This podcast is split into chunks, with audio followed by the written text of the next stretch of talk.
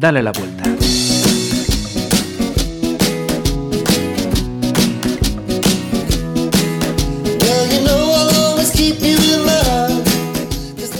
Estamos aquí, María y yo, antes de abrir los micrófonos, eh, debatiendo no sobre lo divino humano, sino lo real y cotidiano.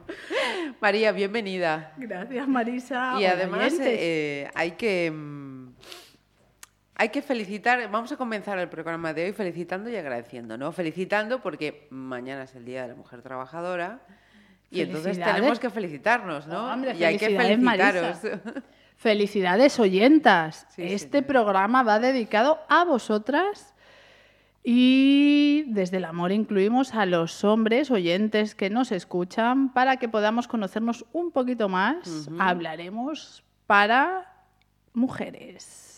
Pero antes eh, queríamos hacer un inciso de agradecimiento, ¿no? Efectivamente. Vamos a practicar lo dicho. Gracias, queridos oyentes y oyentas, por todos los mails recibidos, con, con las- los agradecimientos y los actos de bondad, eso que decíamos que practicarais, etcétera, y que si luego os animabais nos lo contabais, pues gracias por contarme- con- contármelo, Ajá. en este caso, por correo. Gracias por todas esas gracias que habéis dado, por ese saludo, esa sonrisa de buenos días, por, por todas esas pequeñas conversaciones iniciadas desde el cariño y la simpatía, pues eh, desde con vuestros carniceros, panaderos, todo lo que nos habéis contado. Muchas gracias, gracias por compartirlo conmigo y por, sobre todo, por animar a, a participar y por mm, contar esas experiencias, cómo van cambiando pequeños detalles y sí que ha- han hecho, pues como me contáis, que vuestro día fuera un poquito mejor. Así que María, Paco, Lucía, Esther, Manuel, José y todos y muchos más que habéis mandado los mensajes, gracias. Pues que sigan llegando muchos más, eh, que será síntoma de que seguimos eh, ayudando en el bienestar. Hoy, mujeres protagonistas, eh, con esa fecha presente. ¿Por dónde comenzamos, María? Ay, aquí estamos tú y yo, una vez más, que mejor que empezar.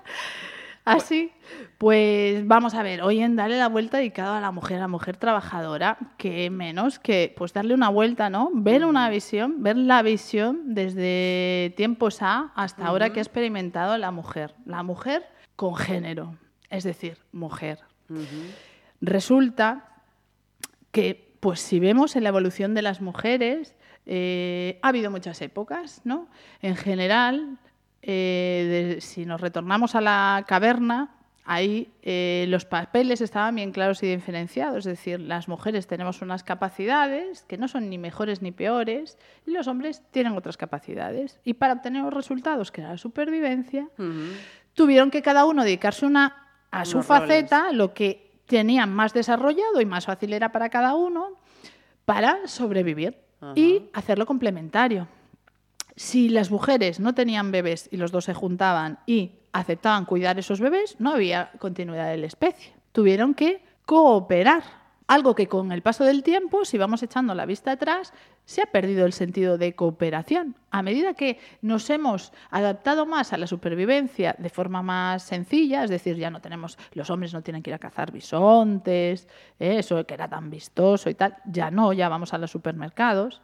Eh, y las mujeres también no tenían que dedicarse a la huerta y otros menesteres. Es decir, tenemos, mm, hemos encontrado la forma de vivir más fácilmente y de, de obtener lo necesario para la supervivencia de una forma más sencilla, pues se han ido desdibujando, ¿no? Se han ido descompensando.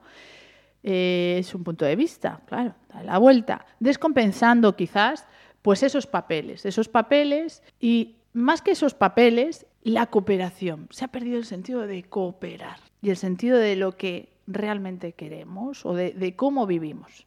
La finalidad, es decir, existen hombres y existen mujeres. Eh, como todo en el universo, en la naturaleza, todo lo que existe se necesita. Y se necesita y tiene un ritmo y una biología adaptado a todo lo que hay. No sobra nada. No sobran las plantas. Bueno, no, con los animales sí, las plantas no, no. Hay plantas, animales, todos necesitamos.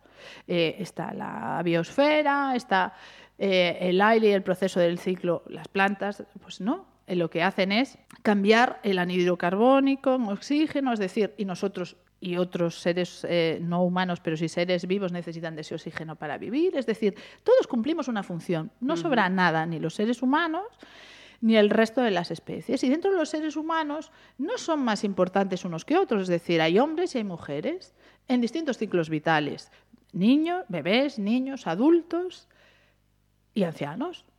Y no sobra ninguno tampoco, es decir, forman parte del ciclo vital de, de la vida y todos aportamos y somos necesarios. Quizá a lo que voy ahora concretando es el sentido de la cooperación para vivir. Es lo que hemos perdido y hemos adaptado papeles distintos papeles. Eh, hoy vamos a hablar de las mujeres, donde no cooperamos, sino que competimos. Hay muchas frases que oigo y que se repiten y que veo escritas en los diarios de, de ser competitivo, de los hombres y las mujeres somos iguales. No, queridos míos, no somos iguales. Somos, tenemos los mismos derechos y tenemos la misma importancia y somos igual de necesarios, pero no somos iguales. Hay hombres y hay mujeres. Entonces, y, está bien que cooperemos. Y yo creo que el secreto del éxito eh, de vivir y de disfrutar de esta vida, de este gran regalo que tenemos, es volver a entender que todos somos necesarios y entre seres humanos, hombres y mujeres son necesarios e igual de importantes, pero con capacidades diferentes y con perspectivas diferentes. Y eso está bien.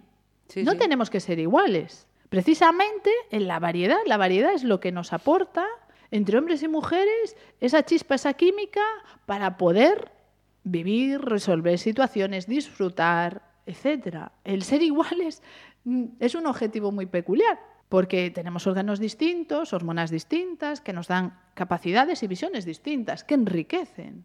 Entonces quizá hay que recuperar eso.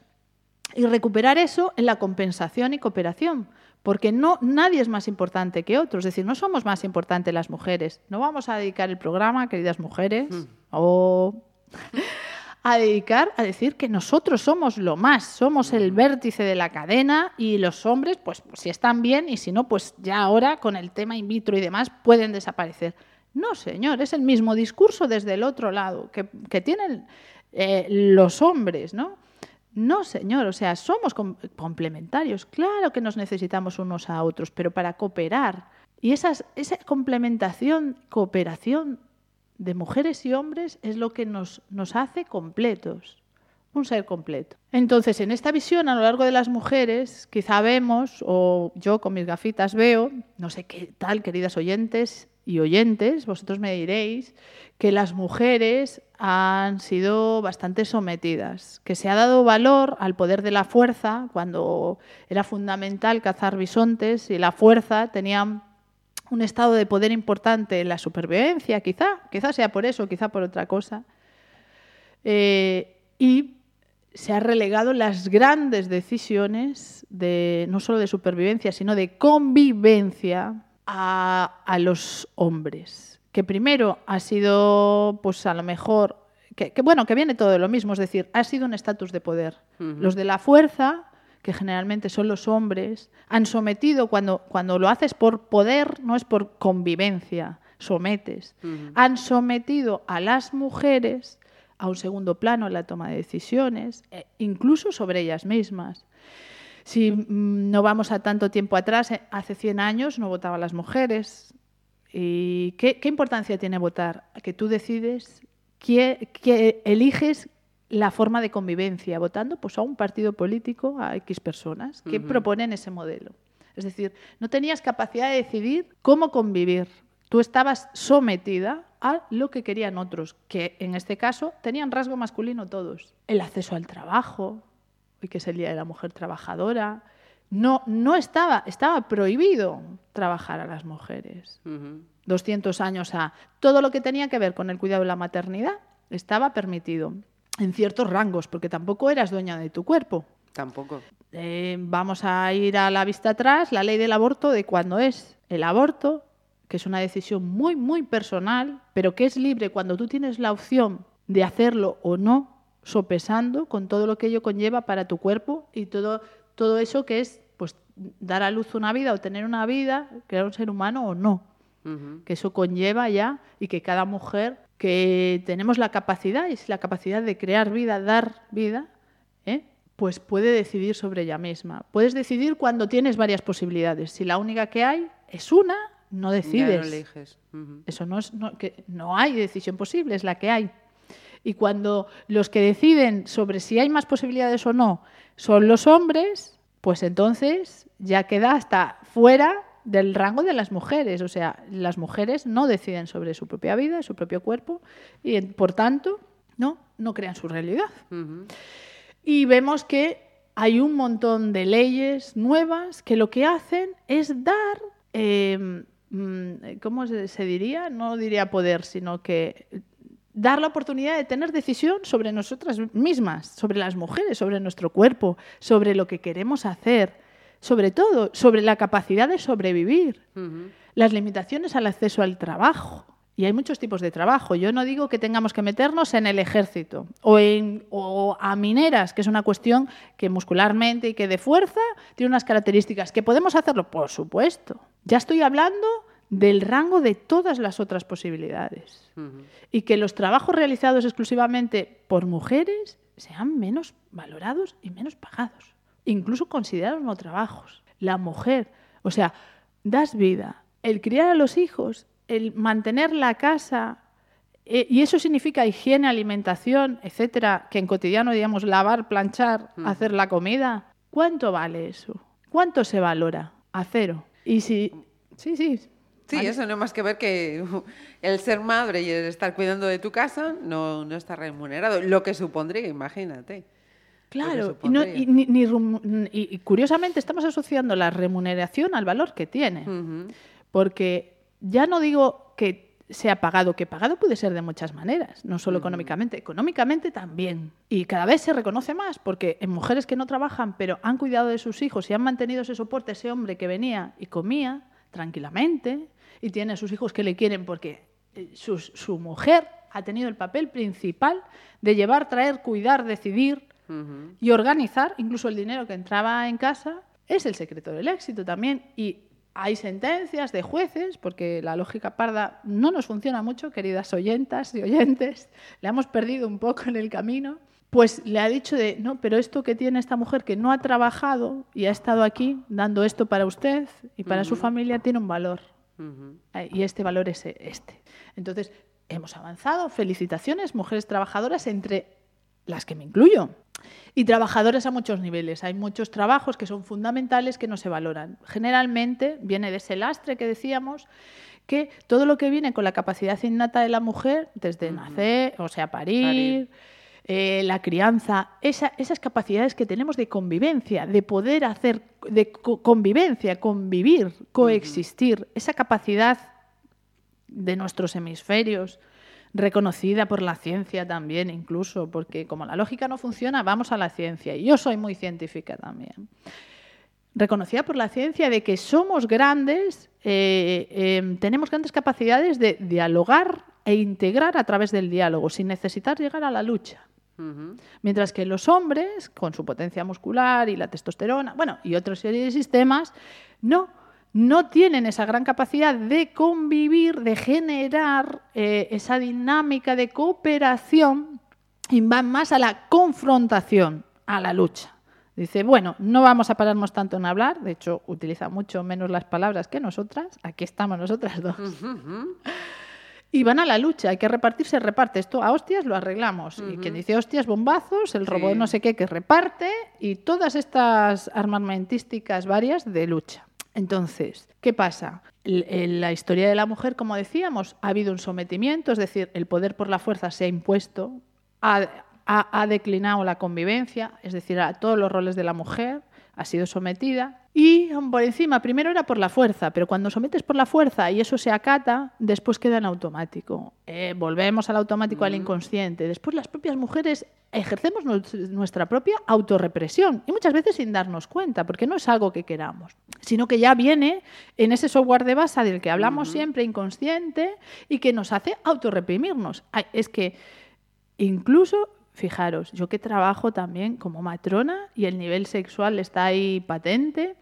Después hay tantos problemas para nacer, para, para nacer, perdón, para parir, etcétera, etcétera, que tienen que ver con no poder escuchar nuestros propios deseos, no poder escuchar nuestro propio cuerpo, nuestra parte femenina totalmente o parcialmente, ¿cómo se dice?, apagada, desconectada de nosotras, ese poder femenino. Y yo no quiero ser feminista. A mí no me gustan los extremos, yo estoy a convivir. Y, y porque eso por lo menos en mi experiencia, hace que disfrutes. Y nadie está de sobra. Y los hombres no me sobran, queridos oyentes. No me sobran los hombres así como compañeros, como de trabajo, vamos, como amigos, como, como co-creadores. Pues claro que sí. ¿Cómo me van a sobrar? No me sobran. Ni las mujeres tampoco. O sea, todos, todos somos... el, el secreto es la convivencia, la cooperación.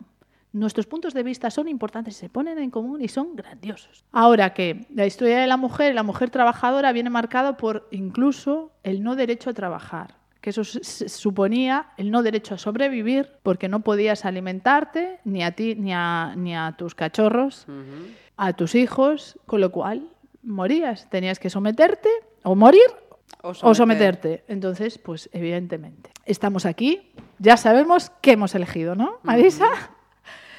Y ahora nos creemos pues muy modernas, todas, del 2017, entre las que me hallo, pero sin duda tenemos en el inconsciente plagado de información y de premisas de ese sometimiento que en su momento fue fantástico porque nos ayuda a sobrevivir, si no la fuerza nos aplastaba, es decir, los propios hombres eh, nos habrían matado por el camino. Hay muchos ejemplos, desde las historias de las brujas, que en las mujeres sabias hay muchos libros, yo he leído muchos libros debido a, mi profesión y a que soy mujer todo el día, toda la noche. He leído muchos libros de muchas autoras. Generalmente esto hablan las mujeres, claro, porque es para mujeres y de mujeres y experimentan las mujeres de, claro, de las historias de las brujas. Las brujas están muy relacionadas con mujeres sabias que sabían de hierbas, cuando no había medicamentos. El medicamento viene de la hierba, de la obtención de una sustancia natural, que ahora también se sabe hacer en laboratorio también, pero que parte de sustancias naturales, desde las plantas, animales, etcétera, ¿no? Pues esas mujeres ya tenían ese conocimiento y como eran los que cuidaban y hacían que esos bebés se convirtieran en niños y hombres y mujeres, pues utilizaban plantas y otros remedios que sabían que funcionaban. Pero claro, había una época de oscurantismo tan grande que oh, tomabas aquello y de repente te curabas. No, el demonio, el no sé qué. Bueno, todas esas cosas que ya conocemos y, el poder, es decir, eso daba poder a esas mujeres, esas mujeres sabias. No convenían, salvaban a cualquiera con esto de ser mujeres, esa blandura, ¿eh? esa blandura que entra de venga a salvar a unos y a otros, ¿no? y a poner en bien y a, y a curar. Sí a personas y podían volverse poderosas, o sea, que había que contar con ellas y eso no se quería. No se quería, pues por las etapas, el desarrollo y los patriarcados que, llaman, ¿no? Y que se llaman. Eh, se, se, crearon sociedades, por lo menos desde la occidental conocemos muchas, entre las que nos encontramos, de patriarcados, donde el poder y las decisiones sobre la vida eran de los hombres. Yo pondría son, porque como todavía, bueno, yo estoy viva aquí, queridos oyentes de las ondas, Marisa también, siguen siendo de los hombres en su mayoría. Si vamos al el estado político, es decir, los políticos y los que proponen los programas de gobierno, que es la forma de convivir, de invertir emociones, dinero, eh, eh, formas de, hacerlo, acciones, eh, cómo se va a hacer es desde la vida política, desde el día a día, por supuesto, porque al fin y al cabo yo tengo la libertad de decir, bueno, sí, no y a mi manera, ¿no? Como estamos viendo en cada programa y cómo hacerlo. Pero evidentemente, claro que no es lo mismo que todo vaya por el sí, entonces yo pueda desenvolverme teniendo todos mis derechos y mis capacidades a desarrollar, que me marquen una línea estrecha, donde yo ya tenga que hacer filigranas para ver cómo encaja esto y hacerlo lo mismo, porque evidentemente cada uno viene a lo que tiene que hacer. Entonces, eh, la mujer y el trabajo y las decisiones, pues no es eran, es todavía son. Mm, vivimos en sociedades muy patriarcales, los presidentes del gobierno son generalmente presidentes. ¿Cuántas mujeres presidentas tenemos en España de gobierno? Ninguna. Moraleja, por algo será. Después es, cierto que, claro, debido a la ley, ¿no? Porque al final hay que ir haciendo leyes para salir de esa, tela de araña farragosa que las mujeres también propiciamos contra nosotras mismas. Pues ya digo, muchas veces porque ese estado de sometimiento va por dentro también. Y a veces nos creemos las más chupiguays de todas y no.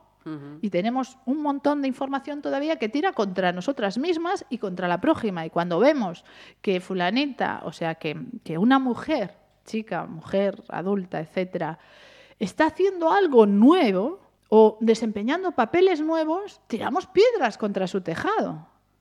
Sí, lo escuchábamos hace unos programas, en el caso aquel del discurso de, de Madonna, cuando hablaba que había sido una mujer feminista la que mm, la, verbalmente le hizo unas acusaciones muy, muy, muy duras, durísimas. Sí, que ayer le llegó. De hecho, Madonna cuenta en ese gran discurso que pusimos hace dos programas cómo ella quería ser una artista, no quería ser una mujer artista. Ella venía queriendo ser una artista. Y cómo todos en la empresa de la música, que curiosamente eran hombres, los de poder, la llevaban a ser una mujer y a meterla en cintura y una mujer y una mujer es así. No es lo que quieras ser tú, lo que seas tú. Ni estás en igualdad de poder. O vas por aquí o no vas. Y además haces música y tu estilo es de mujer.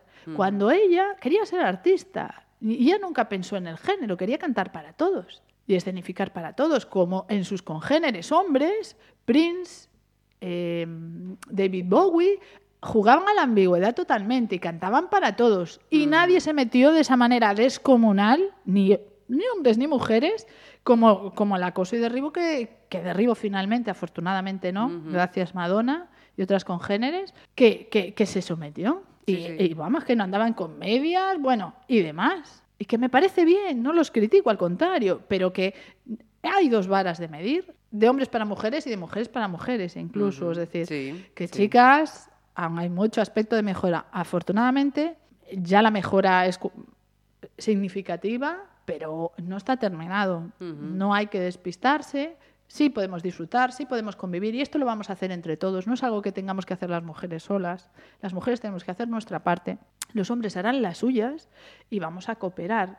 Para mí ese es el secreto del éxito. Porque que levante la mano, queridos oyentes y oyentas, ¿quién ha nacido aquí de una mujer? Nadie. ¡Tachán! A ver, algo que es la capacidad de crear vida. Mujeres que crean vida, muchas cosas tendremos que decir, muchas cosas tendremos que oír nosotras de nosotras mismas que tenemos apagadas, desenredar. La sexualidad, sexualidad, género, mujer, sexualidad, hombre, género. También la sexualidad del hombre, ¿cómo está? ¿Qué, permisivo es con todo lo que se dice, con lo que se pone en género masculino? ¿Qué pasa? A ver, el lenguaje, imagina, imaginaros, ¿no? Ejemplos prácticos. Cuando tú dices, joder, qué coñazo, ¿qué estás diciendo? ¿Y a qué miembro te estás refiriendo? Sí, y al contrario, y eres la polla, es lo bueno, lo guay, ¿Eh? lo mejor. Entonces, bueno, y esas mismas expresiones las utilizamos nosotras. que yo no vengo aquí a criticar eso, pero es un ejemplo significativo porque las asocias a emociones y a situaciones que al final van sumando, todo suma.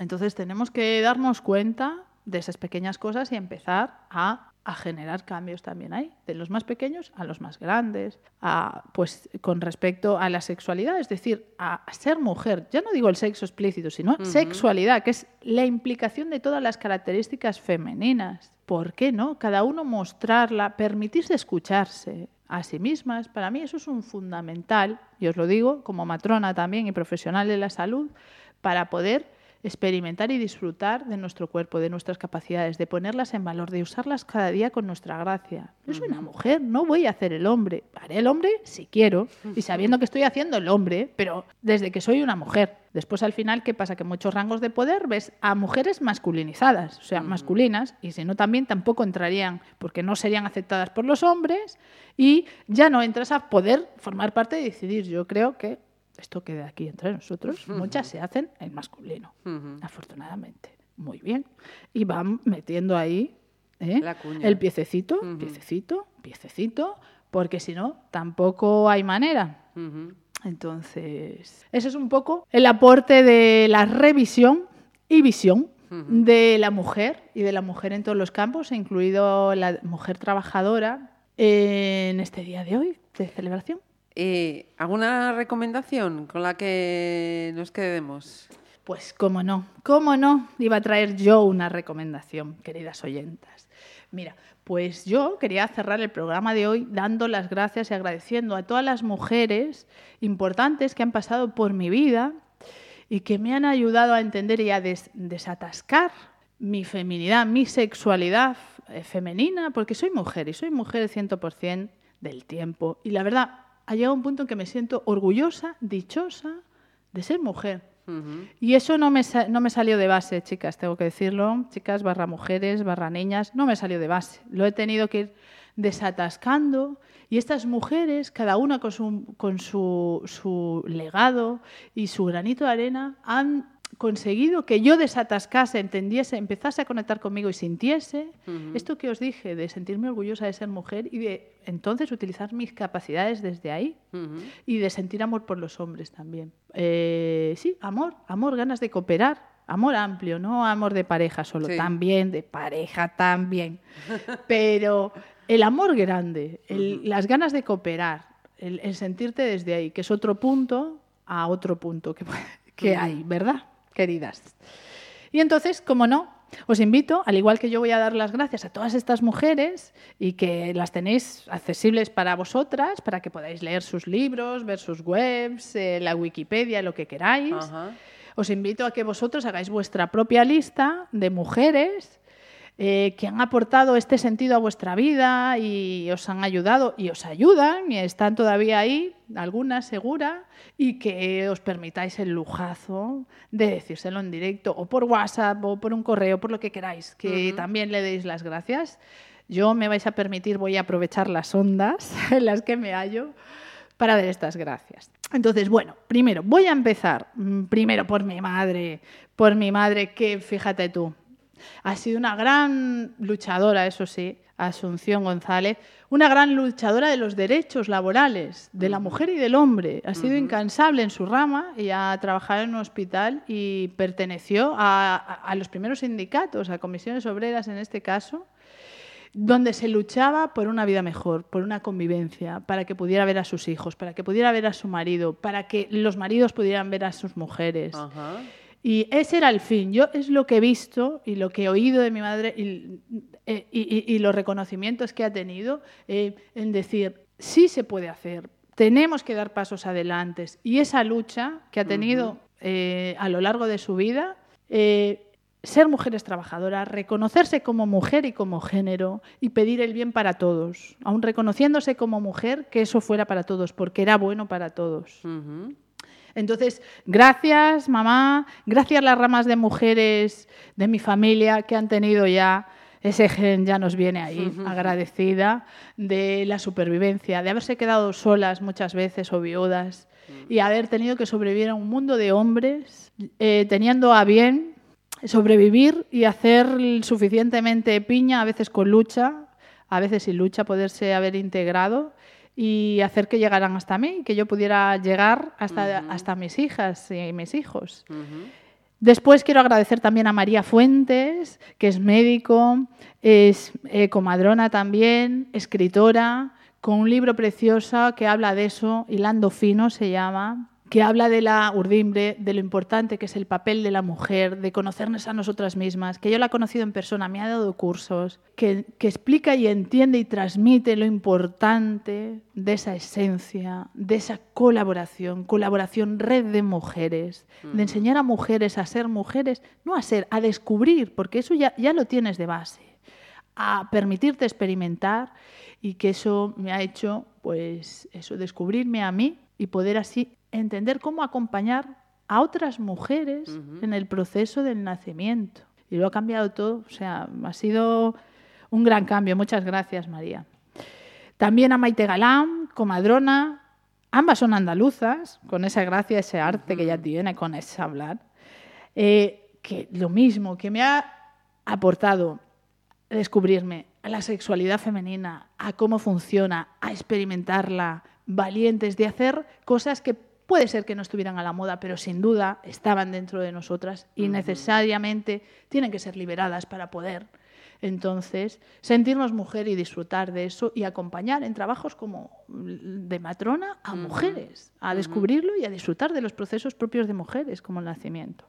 A Cristina, a Christine Nortup, que es americana, es una ginecóloga americana que escribió y que, es que, que tiene escrito el libro Cuerpo de Mujer, Sabiduría de Mujer, ediciones Urano, gran libro donde desde su propia experiencia como ginecóloga y como mujer y cosas que le han pasado en la vida y que han cambiado su vida, nos da pues esa visión de mujer y de médico a la vez, integrándolo todo, lo, físico, lo emocional, para sanar cosas propias, patologías de mujeres, que es esta gran como Biblia, por decirlo de alguna manera, que es Cuerpo de Mujer, Sabiduría de Mujer. Y yo no la conozco personalmente, pero la he visto por YouTube. Es esto, esto es lo de menos en sus libros, en, está para mí y para vosotras ahí. A Clarisa Pincola, por su libro Mujeres que corren con lobos, que cuenta a través de todos esos cuentos cómo las mujeres nos hemos ido acallando, cómo es la mujer en esencia, cómo es la esencia de mujer, cómo descubrirla a través de cuentos y cómo dejarla surgir en ti para hacerla cotidiana y que luego la puedas incorporar a, la vida. Gracias, Casil, a, Clarisa, perdón. A Casilda Rodríguez Bustos, que es una española, antropóloga, escritora, con, con libros como La represión del deseo, como el asalto a las Hades, como pariremos con placer, que lo que hace es una revisión de, desde la antigüedad hasta ahora de cómo las mujeres han sido sometidas y cómo ese sometimiento ya no se ve dentro de las propias mujeres, no las vemos y nos ha ido siguiendo el camino del sometimiento. Ahora que podemos, o, que, que, si nos descubrimos, podemos empezar ¿no? a crear nuestras vidas desde ahí en consonancia y evolucionar, pues te abre un poco los ojos, el alma, la sensación de todo eso. ¿no? Y, y, Casilda, años A, empezó ya con el franquismo. Existía una dictadura en España. Cuando ella ya empezó a escribir sobre esto, a revisar sobre esto, son grandes mujeres que tenemos ahí para nosotras. Y todavía vive, chicas. Todavía vive, quiero decir, que todavía se puede comunicar uno por WhatsApp, por WhatsApp, bueno, por correo, etcétera, la puede escuchar, etcétera. Grande inspiradora también Casilda.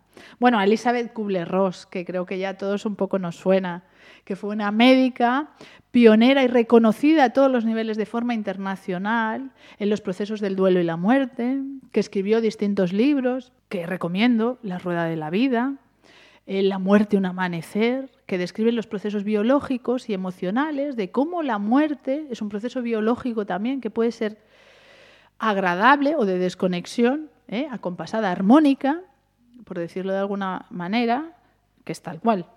Y, cómo acompañar a esas personas que están en ese camino, no porque eh, eh, nosotros lo hayamos decidido, sino que están en ese camino y cómo poderlas acompañar de la mejor manera posible. Otra gran mujer que con sus capacidades de mujer llegó a eso, lo publicó, se animó, se escuchó, lo publicó y nos lo dio de regalo para todos chicas, mujeres, es importantísimo escucharnos y transmitirlo, comunicarlo entre nosotras y darle vida y luego escribirlo o ponerlo en audio, transmitirlo. Esas cosas son importantes, no son tonterías ni locuras, aunque todavía no hayan sido escritas. Cuando Elizabeth hizo esto, no se conocía, no se sabía, nadie hablaba de ello, porque el rango masculino a veces no tiene esa conexión con los procesos de la vida. Nosotros damos vida, y claro que podemos acompañar a la muerte, ellos también, o sea, los hombres también.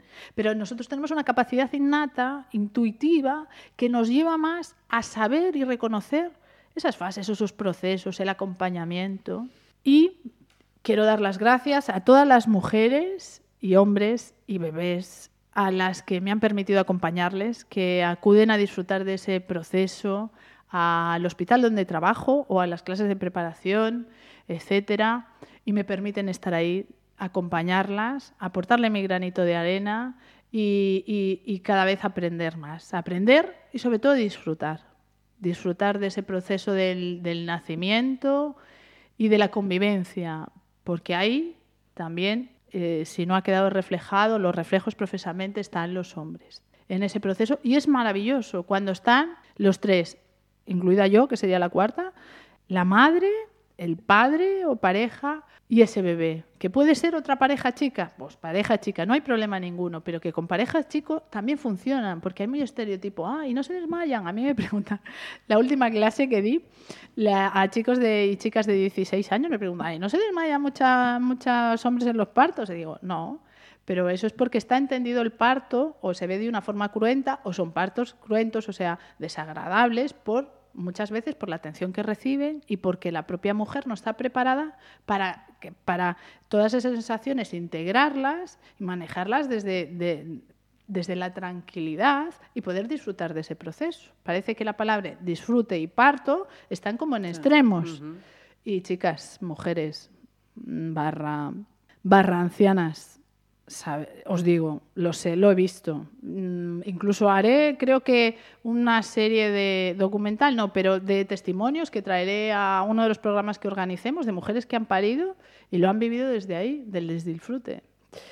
Entonces, gracias a todas y todos por incluirme, por esos momentos maravillosos de intensidad, de agradable y a veces de tensión que se resuelve y está bien, también está bien, no pasa nada. Y gracias a mi cadena de mujeres presentes en mi vida, gracias a mis amigas, a mis hermanas, pues a Jessie, a Belén, a Eva, a Elba, a María, Amalia, a todas esas personas, mujeres que están por aparecer, que están un poco loquitas como yo, que viven desde ser mujer y que conviven con hombres y los queremos igual y hacemos pues que disfrutar de la vida y convivir. Oh. oh, oh.